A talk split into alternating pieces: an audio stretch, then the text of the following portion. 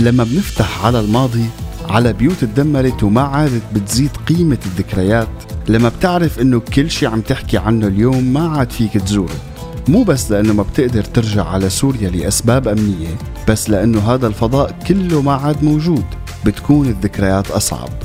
بس لازم دائما نذكر ونوثق هي الأماكن ونتذكر الجيران ونتذكر المحلات ونتذكر أماكن اللعب. بيتي بيت الجيران مساحته 162 متر. افتحها بيتي. شيل شيل قدام ولا ورا؟ ما عم لاقي صور حالتي شارع الا ربع يا أخي. شلون حبيبي وين بيتي هون. بيتي هون. بيتي هون. برنامج بيحكي باسمكن وصوتكن انتو. ضيف حلقتنا لليوم المخرج والكاتب المسرحي أنيس حمدون. أخذنا برحلة ذكريات كتير قاسية على عدد من البيوت والأماكن اللي عاش ولعب وفرح فيها. واليوم أغلبها للأسف صار مو موجود. خلونا نسمع حلقتنا اليوم مع ضيفنا أنيس حمدون وزميلنا عمر سواح بحلقة جديدة من بيتي هون. هذا البرنامج قائم على حكاياتكم وعلى قصصكم على رحلة لجوءكم أو هربكم وين كنتوا ووين صرتوا شو يلي فقدته سوريا خلال هالست سنين من أيدي عاملة؟ من خبرات من شباب وكتير من الأمل.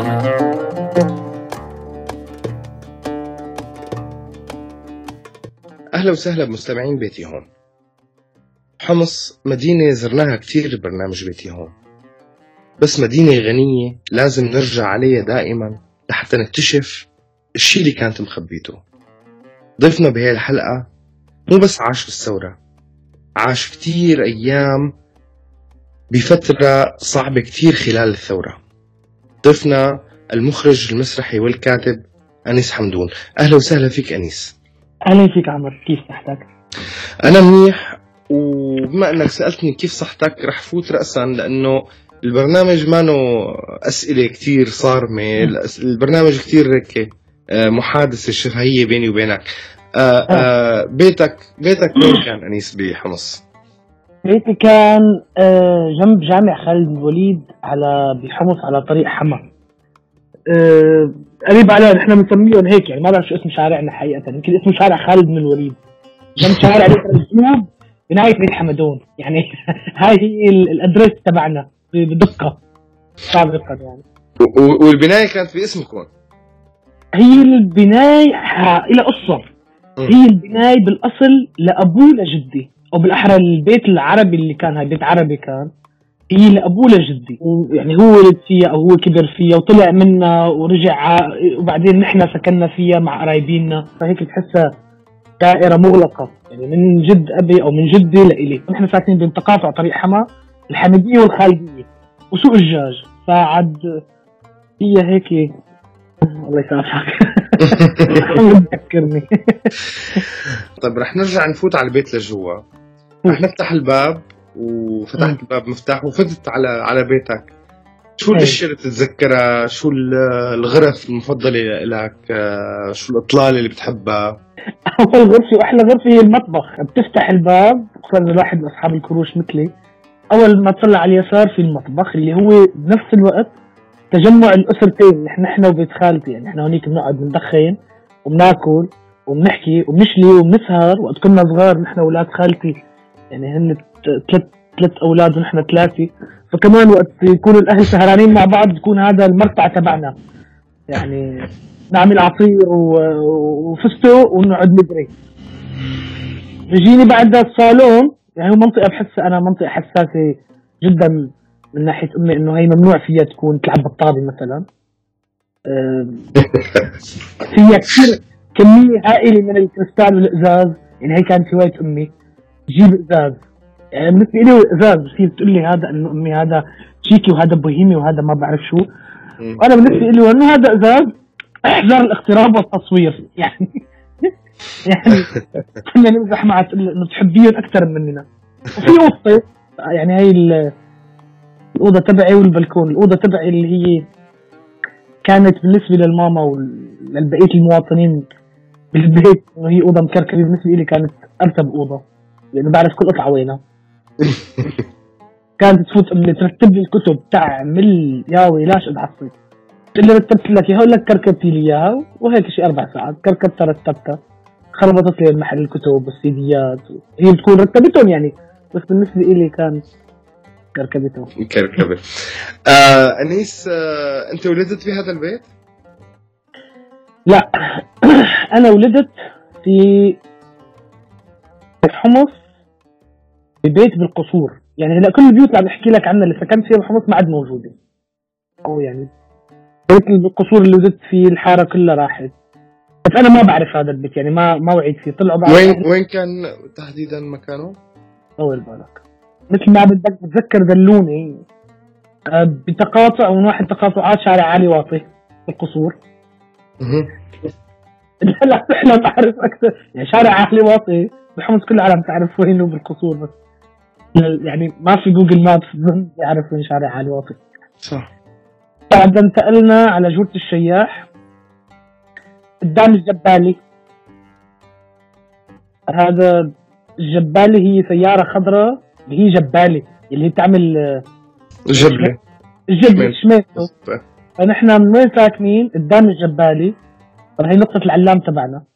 هذا البيت طلعنا منه بظن بال 97 98 طلعنا منه على آخر بيت اللي هو ال- بناية بيت حمدون يعني.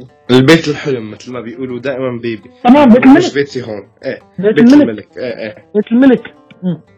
فهذا أول بيت تبع القصور وبيت جورج الشياح وبيت ال- ال- الملك كلهم يعني ما عاد فينا يعني كانوا بيوتنا. في في في بس في بيوت تدمرت تماما مثل بأول بيت وال- والبيت تبع تبع الجبالي هدول بيوت دمروا تماما بس البيت الأخير تدمر كمان؟ تماما إيه آه كمان دمر كمان إيه يعني يعني إذا باقي فيه هيك طابق طابقين من أصل سبع طوابق. هذا البرنامج قائم على حكاياتكم وعلى قصصكم على رحلة لجوءكم أو هربكم وين كنتوا ووين صرتوا؟ شو يلي فقدته سوريا خلال هالست سنين من أيدي عاملة؟ من خبرات من شباب وكتير من الأمل.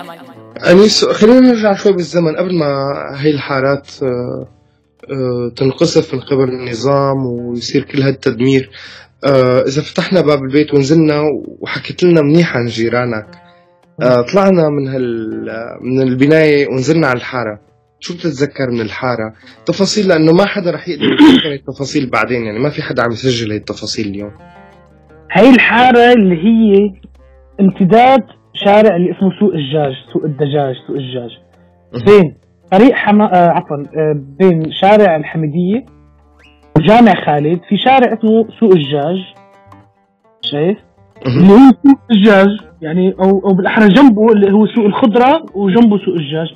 فانا أنا بيت بنايتنا بين تق... بين بين هالشارعين يعني.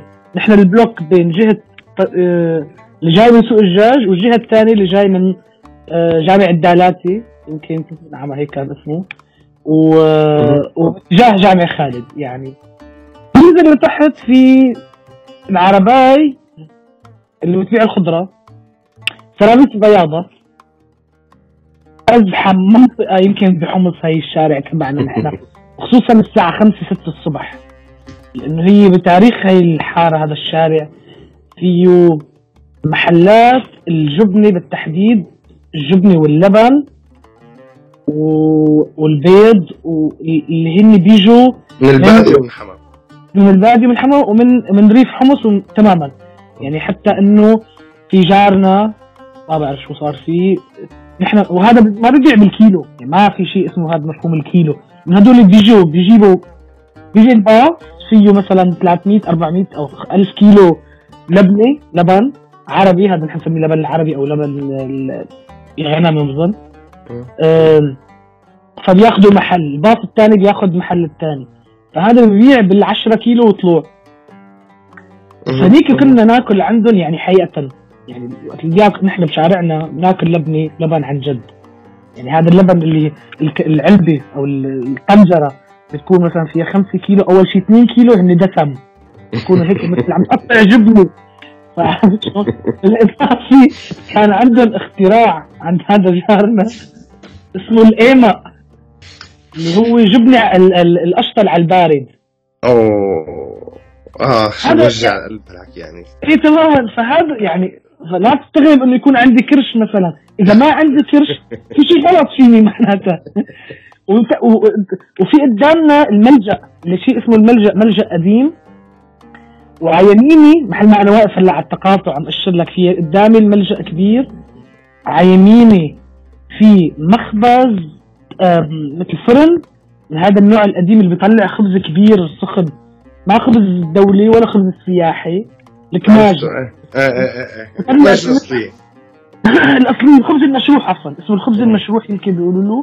فهذا يوميا الصبح فينك أنت تاخذ شغلة سخنة هيك بضل فاتح للساعه 3 يمكن 4 هيك شيء بعدين مسكر خلص بنفي هي ب... وبيخشكر على قولة الحمص اي على الزاوية في بياع الحمص من بيت ناظرين. هذا كان يعمل الحمص. ما كثير الكواليتي العالي لس الباصات اللي تيجي من آه، من المناطق الخارجية. ليش؟ إنه هذا بدك تيجي لعند الصبح بدك تاكل بدك تاكل. يعني بس أنا كنت أشتري الحمص من عنده لأنه أيام وأنا صغير ما أحب الحمص بالليمون. بدي إياه مغشوش يلي هو يلي هو الحمص مشهور بحمص. إيه الحمص مع ال- الليمون. لا يعني هو تماما إيه أنا بحب المغشوش بحمض الليمون. ما الي انه جبت لك حمص مغشوش. أيوه تدرس عليه كل يوم. هو أنا بنبسط انه حدا بياكل يعني بس ما أحب الليمون كنت أنا صغير والله تاب علينا بعدين آه، حلوة الذكريات كثير والله يا أنيس. في في عندك خزان منيح من الذكريات. ما بقى غير انك تخيل اي والله اي والله. بس بس بنفس الوقت ذكرت لي المدرسة آه، قريب منكم. هي المدرسة أنت اللي درست فيها؟ إيه هاي لما كنت ساكن بجولة الشياح كنت أدرس فيها. ولما انتقلت على هاي الحارة رحت على المدرسة ثاني مدرسة الثاني الآن شو كان اسمها الإعدادية فأنا مدرستي عمليا مدرستين الابتدائية والإعدادية هن بيناتهم شي 500 متر؟ خلينا بأول مد... بأول مدرسة الابتدائي شو كان اسمه تحديد وخلينا بس نتذكر شوية مين مثلا أكثر الأساتذة اللي بتتذكرهم من هذيك الفترة؟ مين الأصدقاء كان- اللي استمريت معهم لهلأ؟ كان في مد... مدرسة نسيب المازنية والسبب الوحيد لأنه سجل فيها مع أنه الهاي كريدت تبعها أو إنه في يعني ما كثير قريبة على بيتنا. بس عمتي كانت مدرسة فيها اللي هي اسمها نادية. آه فكانت سبب إنه نحن كل ال- الأولاد العم والعمة كنا بهي المدرسة طلاب. فكان مشواري اليومي أنا من بيتنا بجورة الشياح يمكن كان ياخذنا سيرفيس كنا صغار بظن. إيه أو جارنا. آه سيارته آه بمشي جنب المشفى المشفى الوطني. اطلع على طريق حما إيه بروح باتجاه الصيدليه العمالية. هونيك بقطع على طريق حما بصير عند باب جامع خالد الباب الأولاني على الشارع. بمشي هيك على اليمين على طريق حما لساتني أنا. أول ما أفرق على اليسار أو هيك حتى هون في مقبرة سابقة ما بعرف اذا ما بعرف شو صار فيها. في هون شارع مسدود تفوت فيه على اليسار بعدين أول يمين تصير عند مدرسة نسيب المازنية. جنب. بيت- الصنيب يمكن كان. إيه. وكان على بياع الم- المدرسي كان بياع الناطف. اللي هو ابعال المدرسة محل أزرق صغير. كمان صاحبه غالبا ظن استشهد. هذا كان يبيع بقالية عبارة عن 24 سنتيمتر مربع على مكعب. شلون نحط فيه علوك ما بعرف. يعني هو عبارة يعني عن جد باب بيتنا نلعب فرج عليه أنا ببرلين أكبر من المحل كله. يعني شلون كان يقعد فيه؟ شلون يزمط بقلبه؟ والله ما بعرف. وكان هنيك أحيانا يبيع ناطف أو جاء أبالي يوقف بقالي أو ما بقالي شو بقول لك. بسطة. بسكليت يبيع ناطف. يعني ما بعرف اسم الناطف غير بهي اللغة. هذا البرنامج قائم على حكاياتكم وعلى قصصكم على رحلة لجوءكم أو هربكم وين كنتوا ووين صرتوا شو يلي فقدته سوريا خلال هالست سنين من أيدي عاملة؟ من خبرات من شباب وكتير من الأمل.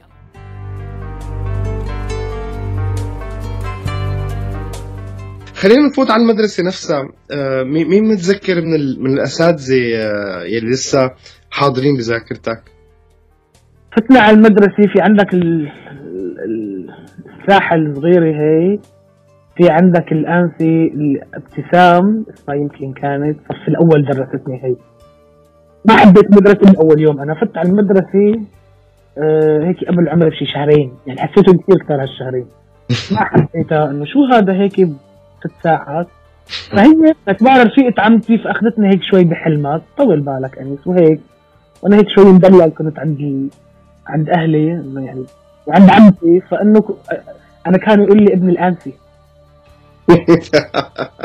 إنه ما يعرف إنه هي عمتي. فخلص هي حمدون وهو حمدون في عندي أستاذين أثروا فيي كثير أستاذ الانجليزي وماهر يعني كثير من زمان. وهذا كان أحيانا يعني أنا يعني أنا تعلمت الانجليزي لحالي بالسادس لحالي هيك كنت قاعد أقرأ وأحضر فيديوهات تلفزيون يعني ومسلسلات وأفلام. أنا تعلمت الانجليزي وتعلمت قواعد لحالي. فهو كان يكيف علي يحطني قدام وأحيانا يخليني أطلع أشرح شغلات. لأنه يكون هو تعبان لأنه يشتغل بعد الدوام دهان. يعني هذا أثر فيه إنه هذا الأستاذ حدا اما دارس جامعة أو أو دارس معهد أكاديمي تبع اللغات أو عم يضطر يشتغل بعد الدوام دهان كنت صف سابع الثامن بالتحديد الثامن وما كنت احبها هي طب انه ما فينا نحكي. إنه هذا الزلمة حدا أستاذ إنجليزي جميل. هو اللي حببني بالإنجليزي وبعدين أنا صرت درس إنجليزي وأخذت شهادة من جامعة كامبريدج باللغة بتعليم اللغة الإنجليزية. من وراء هذا اللي الصف الثامن حببني بالإنج... يعني خلاني أحب الإنجليزي أكثر. إنه أنت شاطر روح اتعلم منيح اتعلم منيح إنجليزي. يلا. بعدين بتصير بتدرس هيك كان يقول لي تعال تذكر اسمه. وأستاذ ثاني أو الأحرى الموجه ما فينا نسبه كثير لا فينا اسمه أبو أبي. كان حرفيا مسعور. مسعور مسعور. قصير كثير وما عنده غير شي سنين شغالين.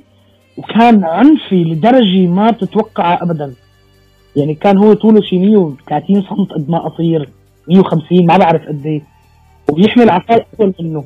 ويضرب الأولاد. يعني كان يعني ما بعرف الاولاد كمان كمان هاي المدرسة كانت قدام جامع خالد من جهة الخالدية فيعني شوي معنا مريحة معنا سهلة عشان ما بقى هو كان عنده يمكن حلم حلم يكون فرع مخابرات بس اجى اجى نصيبه بالمدرسة.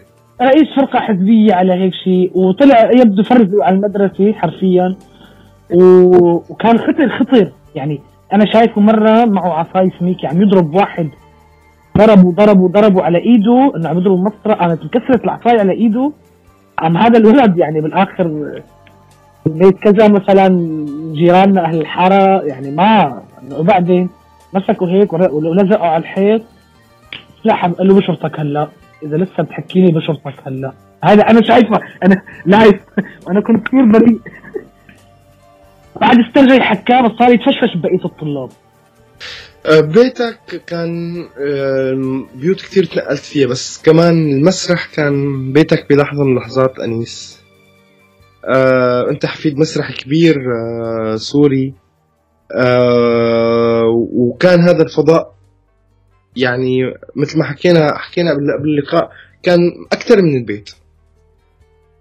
هو كان ال ال ال يعني أنا بتذكر إنه أنا وقفت يعني عيوني الذاكرة تبعي لما ببلش ألقط معلومات بحياتي كانوا شغلتين.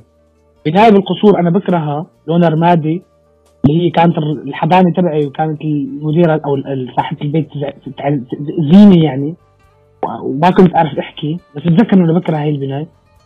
وال- وال- والمعاكس تبعها اللقطة الثانية اللي أنا بتذكرها اللقطة السعيدة خلينا نحطها هيك. هيك بمي... بمي... بميزان. اللقطة السعيدة اللي أنا بفتح عيوني على الدنيا إنه إنه في بروفا. فهذا البروفا اللي هي هدول أعضاء الفرقة اللي هن بعدين رفقاتي وعمومي يعني قصدي بمثابة القرابة رفقة العمر وأولادهم رفقاتي الأعزاء اللي هن نحن ما بنعرف حالنا شو اسم القرابة بيناتنا. أولاد عم ولا أخوي ولا أولاد خ... يعني شو نحن نحن ما لنا قرايبين بيولوجيين ولكن نحن أقرباء المسرح. أنا ما حدا منهم اشتغل مسرح يعني ما ما في غير أنا هاي أولاد هاي الأسرة أولاد أسرة ال- الخشبة. فأنا بوقع الدنيا عم يشتغلوا مسرح بالفصحى طبعا هي الفرقة ما بيشتغلوا غير بالفصحى ف... فأنا بتذكر تعلمت ال- ال- ال- هذا لسان الإلقاء ولا الكلام ولا تحكي حكاي من هدول الناس. اللي هن كان عندنا نحن كل يوم الساعة كذا ستة غالبا تأخذنا أمي، أمي كانت تأخذني على البروفا، يعني أمي وأبي بيروحوا مع بعضهم على البروفا. فانا جزء ما جزء طفولتي هي البروفا. يعني بحس مع إنه يعني يعني البروفا كانت ب ب جنب الإنشاءات شو اسمه عند الحمراء. هنيك كان عندهم مقر بالزمانات للفرقه يستعيروا. بعدين انتقلت على محل ثاني بعدين صارت تصير بالصالون عند جدي بالبيت. وبالأحرى ال ال ال يكون أنا قاعد عند جرينه يعني هو قاعد فوق أنا مرتاح على القعده على الأرض فهو جنبي. بس يعني أنا كل جزء من البروفا أو يعني لما صرت كبير وصرت عضو بالبروفات. ولا كطفل إنه أنا أقدر فوت أتفرج على البروفا لما يعملوا بروفة القراءة وهي شيء مقدس تأخذ له أسبوعين يمكن هيك بروفة القراءة ويحلوا النص. فهي أكثر من انها بالدي ان اي تبعي صارت. هي يعني بده يصير معي أنا هلأ أنا هلأ عمري صار للأسف 33 لما بطلع من البروفا بكون مبسوط يعني إنه بحس حالي بالمي كأني كان سمكه صغير وأنا بالمي. الادرينالين تبعي بيكون شغال. لأنه مربوط ما بعرف هي طفولتي بالثانية بروفا بروفا بروفا وبروفا. هذا البرنامج قائم على حكاياتكم وعلى قصصكم على رحلة لجوءكم أو هربكم وين كنتوا ووين صرتوا شو يلي فقدته سوريا خلال هالست سنين من أيدي عاملة؟ من خبرات من شباب وكتير من الأمل. أه حكينا على كتير أماكن على كتير بيوت. أه بظن تغيرت المدينة تماما بمخيلتك ما قبل وخلال وما بعد. وقت بلشت الثورة بتذكر وين كنت؟ لما بلشت الثورة لما طلعت أول مظاهرة بحمص بظن 18 آذار بعد بعد بانياس ب 20 ما بعرف. فورا بعد بانياس بعد درعا يا بنفس اليوم يا بني أنا كنت واقف على البلكون ببيتنا وعم اتطلع صدفة لأنه هاي البلكون فيا عم دخن يا عم اشرب قهوة. أو عم تابع شيء ما عم أتذكر. فجأة بشوف العالم عم ترقد بيت آه، البلكون تبعي بتطلع على ساحة جامع خالد بن الوليد. العالم عم ترقد من الجامع لهون. وأنا هون كنت بال 300 حيط وصرت نط من الفرح. كثير من من من من ضيوفنا ببيتي هون عادوا استكشاف مدنهم من خلال الثورة. عادوا قراءة المدن. أنت كهل كان عندك آه، مناظرة جديدة لحمص آه، خلال الثورة؟ في من... عمليا الحمص كانت بالنسبة لي هي حارتي اللي حارة الضيقة تبعيتي. آه الجامع الكبير اللي هناك كان محل جدي أنيس آه والغوطة المركز الثقافي بعدين مدرسة الزهراوي محل ما كان المسرح ما بقي. يعني والوعر يعني ما بطلع أنا برات هاي المناطق آه كحياة يومية يعني يا من البروفا يا على الجامعة الجامعة على طريق الشام يا على الدروس الخصوصية والمدرسة اللي كنت درس فيها المدارس اللي كنت درس فيها. بس ولكن كانت دائرة ضيقة. مح محصورة خلينا نسميها بوضوح الطبقة الاجتماعية تبعي. أنا ابن طبقة وسطى ابن عائلة فنية. بلس عندي أنا كنت ناشط كنت أشتغل بالحزب الشيوعي. فأنا ما أطلع براتهم غير إنه أهل الحارة اللي هن لطاف متدينين وظراف وأنا بيعرفوني إنه أنا هذا مختلف عنهم. فما كان في خلطة حقيقية مع أطفال أو مع وقت كنت طفل مع أولاد الحارة. بس لما طلعت الثورة اكتشفت منطقتين أو ثلاث مناطق بشكل لصيق يعني. اللي هي الخالدية يعني هي أنا صارت يعني اليومية تبعي إنه أنا أروح على الحارة لهونيك. حتى لو ما في مظاهرة مر بالسيارة أو أمشي يعني بالحارة كثير قريب علي يعني بيناتنا كان 2 كيلو متر ولكن بالنسبة لي أو 1500 متر ولكن كانت بالنسبة لي عالم آخر الخالدية قبل الثورة. بعد الثورة صارت بيتي. آخر سؤال مشان بعرف إنه هي لحظة قاسية عليك آه، ب- بيوم من الأيام وقت زرت برلين حكيت لي شوي عن عن تفصيل هي اللحظة. إذا قدران تحكي عن عن لحظة إصابتك عن عن الشيء اللي عشته بهديك المنطقة مشان نختم هاي الحلقة من بيتي هون. كجزء من بيتي هون. طيب. ال كنا ببيتنا اللي هو بالخالدية. كنت عند اللوز ببيت اللوز اللي هو كمان بيتي الثالث الرابع في أثناء الثورة. إحنا نتجمع لي عمرته عميد أهلا جايين الشباب عنا شغل. شغل يعني شغل تصوير أو شيء ترجمة شيء ريبورتينج شيء شيء قاعد بتسلى فالله الله يذكرك بالخير. يا يا لو يا مرت كان كثير تحملنا وقبلنا براد على الأرض. بهذيك اللحظة كنا عنده بالبيت متجمعين. أنا واللوز ومظهر وأسامة والعبيد وفلان وفلان. بهذا البيت كنا وحكمين اثنين شابين اسمهم حكم بنفس الوقت واصدقاء بهي القعدة آه، بيجينا تليفون آه، بيت أهله لفلان بيت عمته لفلان إجته قذيفه شو هي قذيفه يعني هي كانت أول قذيفة بحمص حتى يعني هي تجربة بابا عمر. يعني جربوا بالخالدية. قبل باسبوع أو قبل بخمس أيام نزلته قذيفة ما فجرت وما نعرف شو هي فيبدو عم يحددوا السمت أو هيك شيء. فنزلت أول قذيفة فنحن مين فلان فلان يلا مظهر مسك الكاميرا أسامة مسك الكاميرا. هذول الاثنين استشهدوا بعدين يعني عمليا في سيارة تحت. يعني هذول الأسماء كلهم يا إما استشهدوا يا إما برات البلد صار أمان. فبنطلع من هي السيارة وعالم مشيت مشي. فأنا كسلان أو مستعجلين كنا. فنطلعنا بالسياره أسرع. نام قليل كثير و... وأنا ما كثير وجهي عمليا مألوف بالحارة بالظلام لامشي آه يعني ما بعرف شو ممكن يصير ليل يعني وأنا ما كثير بعرف تفاصيل الحارة بالدخلات وممكن أهرب على بيت ما أعرف مين هو فطلعت السيارة ومشينا بهي المسافة. طفينا نزلنا تحت العلو. زاوية تحت العلو اللي بين فيها على يمينها آه قناص المطاحن اللي هي بآخر الشارع بنهايته في المطاحن. فهون كانت نحن بنقطة تجمع ومقابيلي تماما يعني بنفس الشارع تبع قناص المطاحن في هذا البيت اللي تصاوب بس ليل ما في عتم ما مبين شيء. واللي عم يرقد يقطع الشارع بده يكون جدا سريع لأنه قراص المطاحن واقف عم يستناك يعني. فأنا كان معي بهي اللحظة اللي أنا بتذكر لآخر لحظة أنا شايفهم كان عبيدة القرش وكان مظهر. هو بعيد عني ما بعرف شيء مسافته ذراعين أو متر ونص مترين. فكثير قريب علي وهون كله إنه يعني فيها خطر كثير هاي القطعة. يعني والقناص اللي عم يضرب ما بيضرب ضربة عادية تبع تقتلك فورا أو ممكن تصيبك بمنطقة وتنفذ منها. هذا اللي بيقولوا الرصاص اللي بيتفجر اللي هو بيقتلك بعدين بتفتت بالجسم. فيقطع العالم فاحنا إنه نقطع ولا ما نقطع؟ طب هدول اللي يطلعوا ما يطلعوا. فأنا بهي اللحظة يعني آخر لقطة بتطلع تشوف عبيدة واقف بالصدفة ورا باب مدخل أو هيك شيء هيك أنا عم اتذكر بجوز مشوشه هي. هيك في حجرة قدامه أو في شغلة قدامه وعم يجي الضرب. يعني عم يجي الضرب قدامنا نحن ومظهر قدامي ماسك يمكن كاميرا سودي. مدري ما ماسك شغلي بس عم يطلع راسه لتحت عم يطلع لقدام راسه لتحت لقدام. هي عمليا بهي اللحظة بتنزل هي القذيفة عمليا بتجمعنا. بمركز تجمع العالم اللي بتحاول تفوت على هذا البيت وتنقذ اللي جوا.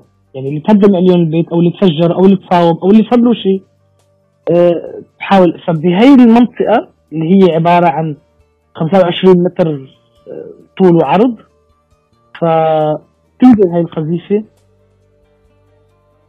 وتنقطع الإضاءة هون عندي. فتح عيوني طبعا هون ما عاد في نفس المشهد في غبار كثير دخني على غبره وما بكون أنا عمليا هون بهي اللحظه اللي هي مسحت فيها المره الوحيده بحياتي اللي أنا ما عاد اتذكر فيها شيء وصلت انه لمين أنا مثل ما بحطوا لك الافلام هي تبرج راسك وبترج الاذن وما عاد تسمع و... والهي الصفرة اللي هي هيك قوية كثير فأنت بتشوف ناس عم ترقد وعالم عم تفيق وهيك بين التراب وايدين مشلطعة ودم و... يعني ما ما عاد تعرف إنه هذا أنا وين. يعني شو شو هذا شو هاي الصورة اللي عم شوفها؟ ما هدول نفسهم من ما بعرف قديش ضلت أنا هي الصورة. يعني ايمت نمت وايمت فقت ايمت صوت وايمت فقت ما بع... ما عندي استيعاب للوقت. فحدا بيجي بيشوف إنه هذا عايش زلمة هيك بيرفعني. يعني هاي اللقطة الثانية اللي هون هيك جدا ما هي يعني هي بترافقني ثانية. الحياة دائما. أنا بقول أنا دقيت ورجعت. يعني دقيت هذا الموت ورجعت. فبوقف بيساعدني اوقف آه، ففي بيكون قدامي بلور سيارة سوزوكي. مين مين بيساعدك توقف بهي الفترة؟ حدا شخص زلمة هيك كبير بالعمر.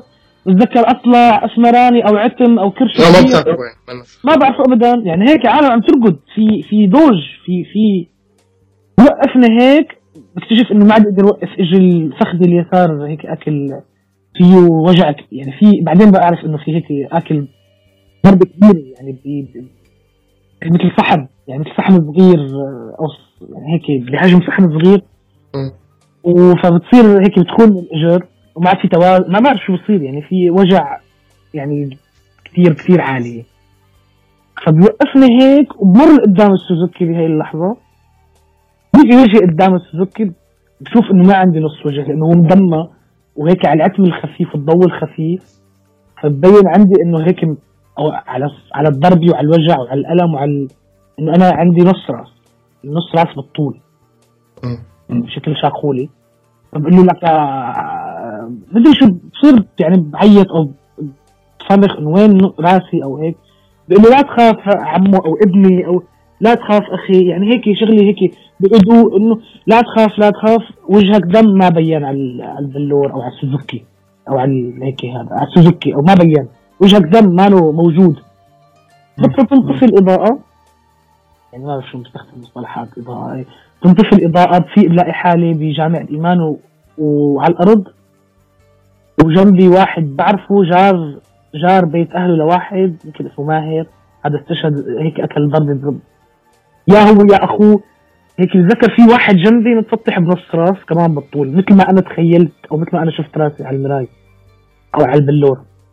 وعرفت الوجه بس هون ما بعرف أنا مين ما بعرف مين هاد. شوف ناس عم تلف عم ترقد. يعني بكل هاي الكومبريهنشن لاسمي مين أنا ولا مين أنا شو اسمي وش قد عمري وشو شكلي ما موجود. يعني لحظة بس هيك عم بتفرج بتذكر بنط من أنا هيك متسطح من وراي وبصير راسه عكس راسي من فوق وهو واقف. شخص بعرف وجهه اللي هو بيكون أسامة. ما بعرف اسمه.